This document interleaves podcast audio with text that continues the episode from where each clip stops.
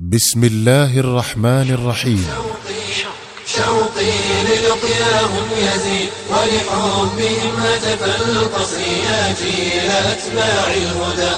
أشرق علينا من جديد. شوقي يسر جمعية مودة أن تقدم لكم صورا من حياة الصحابة لعبد الرحمن رأفت الباشا. رحمه الله. أسامة بن زيد رضي الله عنه. قادة الدنيا فمن قادوا ولا عرفوا المحيط هم أسوة الإنسان في الأقوال والفعل السديد. نحن الآن في السنة السابعة قبل الهجرة في مكة. ورسول الله صلوات الله وسلامه عليه يكابد من أذى قريش له ولأصحابه ما يكابد. ويحمل من هموم الدعوة وأعبائها ما أحال حياته إلى سلسلة متواصلة من الأحزان والنوائب. وفيما هو كذلك أشرقت في حياته بارقة سرور. فلقد جاءه البشير يبشره أن أم أيمن وضعت غلاما. فأضاءت أساريره عليه الصلاة والسلام بالفرحة وأشرق وجهه الكريم بالبهجة. فمن يكون هذا الغلام السعيد الذي أدخل على رسول الله صلى الله عليه وسلم كل هذا السرور؟ إنه أسامة بن زيد. ولم يستغرب أحد من صحابة رسول الله صلى الله عليه وسلم بهجته بالمولود الجديد. وذلك لموضع أبويه منه ومنزلتهما عنده. فأم الغلام هي بركة الحبشية المكناه بأم أيمن. وقد كانت مملوكة لآمنة بنت وهب أم الرسول عليه الصلاة والسلام. فربته في حياتها وحضنته بعد وفاتها. ففتح عينيه على الدنيا وهو لا يعرف لنفسه اما غيرها. فأحبها أعمق الحب وأصدقه. وكثيرا ما كان يقول هي أمي بعد أمي وبقية أهل بيتي. هذه أم الغلام المحظوظ. أما أبوه فهو حب رسول الله صلى الله عليه وسلم زيد بن حارثة وابنه بالتبني قبل الإسلام وصاحبه وموضع سره وأحد أهله وأحب الناس إليه بعد الإسلام. وقد فرح المسلمون بمولد أسامة بن زيد كما لم يفرحوا بمولود سواه. ذلك لأن كل ما يفرح النبي يفرحهم وكل ما يدخل السرور على قلبه يسرهم. فأطلقوا على الغلام المحظوظ لقب الحب وابن الحب. ولم يكن المسلمون مبالغين حين أطلقوا هذا اللقب على الصبي الصغير أسامة. فقد أحبه الرسول صلوات الله وسلامه عليه حبا تغبطه عليه الدنيا كلها. فقد كان أسامة مقاربا في السن لسبطه الحسن بن فاطمة الزهراء. وكان الحسن أبيض أزهر رائع الحسن شديد الشبه بجده رسول الله. وكان أسامة أسود البشرة أفطس الأنف شديد الشبه بأمه الحبشية. لكن الرسول صلوات الله وسلامه عليه ما كان يفرق بينهما في الحب. فكان يأخذ أسامة فيضعه على إحدى فخذيه ويأخذ الحسن فيضعه على فخذه الأخرى ثم يضمهما معا إلى صدره ويقول اللهم إني أحبهما فأحبهما. وقد بلغ من حب الرسول لأسامة أنه عثر ذات مرة بعتبة الباب فشجت جبهته وسال الدم من جرحه فأشار النبي صلوات الله وسلامه عليه لعائشة رضوان الله عليها أن تزيل الدم عن جرحه فلم تطب نفسها لذلك. فقام إليه النبي صلوات الله وسلامه عليه وجعل يمص شجته ويمج الدم. وهو يطيب خاطره بكلمات تفيض عذوبة وحنانا. وكما أحب الرسول صلوات الله وسلامه عليه أسامة في صغره فقد أحبه في شبابه. فلقد أهدى حكيم بن حزام أحد سرات قريش لرسول الله صلى الله عليه وسلم حلة ثمينة شراها من اليمن بخمسين دينارا ذهبا كانت لذي يزن أحد ملوكهم. فأبى رسول الله صلى الله عليه وسلم أن يقبل هديته لأنه كان يومئذ مشركا وأخذها منه بالثمن وقد لبسها النبي الكريم مرة واحدة في يوم جمعة ثم خلعها على أسامة بن زيد فكان يروح بها ويغدو بين أترابه من شبان المهاجرين والأنصار. ولما بلغ أسامة بن زيد أشده بدا عليه من كريم الشمائل وجليل الخصائل ما يجعله جديرا بحب رسول الله صلى الله عليه وسلم. فقد كان ذكيا حاد الذكاء شجاعا خارق الشجاعة حكيما يضع الأمور في مواضعها عفيفا يأنف الدنايا آلفا مألوفا يحبه الناس تقيا ورعا يحبه الله.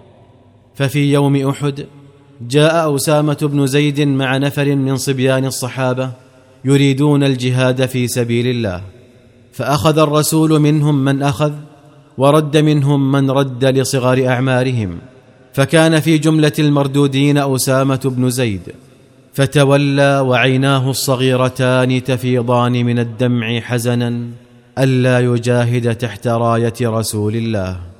وفي غزوة الخندق جاء أسامة بن زيد أيضا ومعه نفر من فتيان الصحابة وجعل يشد قامته إلى أعلى ليجيزه رسول الله. فرق له النبي عليه الصلاة والسلام وأجازه. فحمل السيف جهادا في سبيل الله وهو ابن خمس عشرة سنة. وفي يوم حنين حين انهزم المسلمون ثبت أسامة بن زيد مع العباس عم الرسول وأبي سفيان بن الحارث بن عمه وستة نفر آخرين من كرام الصحابة.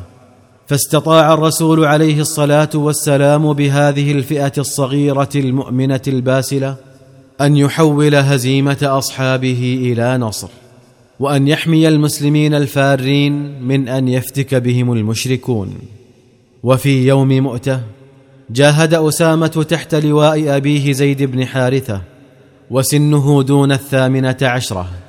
فرأى بعينيه مصرع آبيه فلم يهن ولم يتضعضع. وإنما ظل يقاتل تحت لواء جعفر بن أبي طالب حتى صرع على مرأى منه ومشهد. ثم تحت لواء عبد الله بن رواحة حتى لحق بصاحبيه. ثم تحت لواء خالد بن الوليد حتى استنقذ الجيش الصغير من براثن الروم.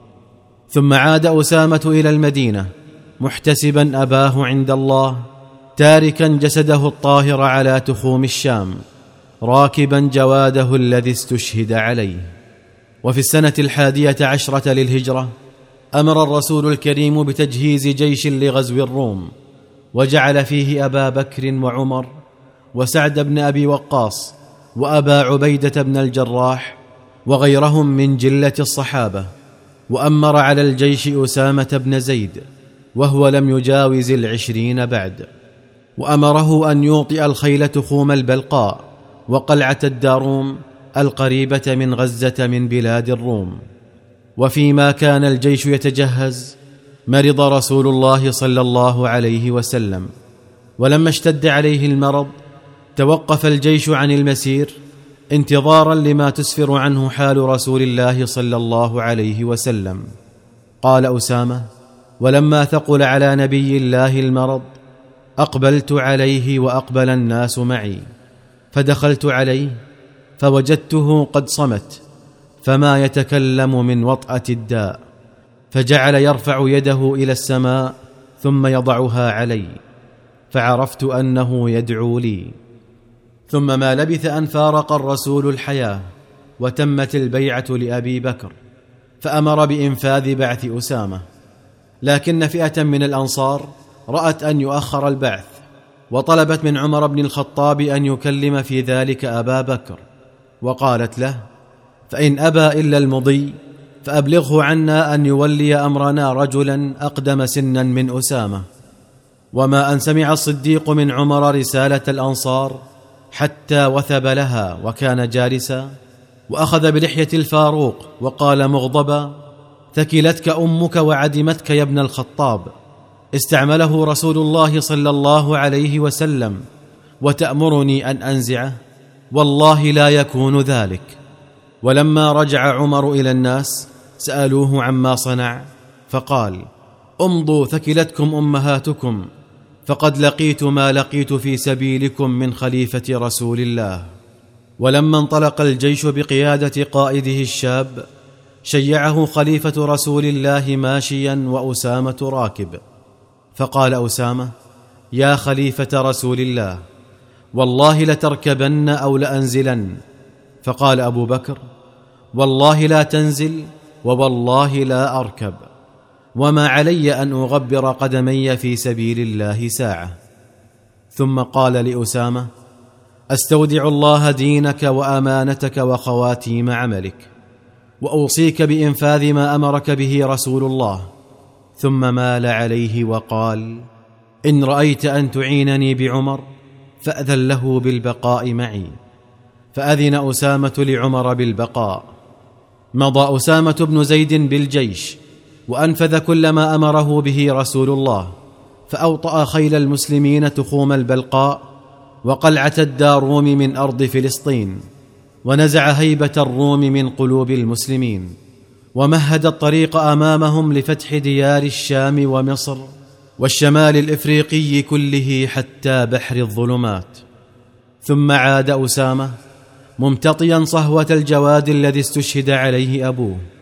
حاملا من الغنائم ما زاد عن تقدير المقدرين حتى قيل إنه ما رؤي جيش أسلم وأغنم من جيش أسامة بن زيد. ظل أسامة بن زيد ما امتدت به الحياة موضع إجلال المسلمين وحبهم وفاء لرسول الله وإجلالا لشخصه. فقد فرض له الفاروق عطاء أكثر مما فرضه لابنه عبد الله بن عمر. فقال عبد الله لابيه يا ابت فرضت لأسامة أربعة آلاف وفرضت لي ثلاثة آلاف. وما كان لأبيه من الفضل أكثر مما كان لك وليس له من الفضل أكثر مما لي. فقال الفاروق هيهات إن أباه كان أحب إلى رسول الله من أبيك وكان هو أحب إلى رسول الله منك. فرضي عبد الله بن عمر بما فرض له من عطاء. وكان عمر بن الخطاب إذا لقي أسامة بن زيد قال مرحبا بأميري. فإذا رأى احدا يعجب منه قال لقد أمره علي رسول الله صلى الله عليه وسلم. رحم الله هذه النفوس الكبيرة. فما عرف التاريخ أعظم ولا أكمل ولا أنبل من صحابة رسول الله. إن أبا أسامة كان أحب إلى رسول الله من أبيك وكان هو أحب إلى رسول الله منك من كلام الفاروق لابنه. وبصحبه قد أسس الصرح المشيد يا شعر أسعفني أفض في مدحهم هل من مزيد. سلة الإيمان والتقوى.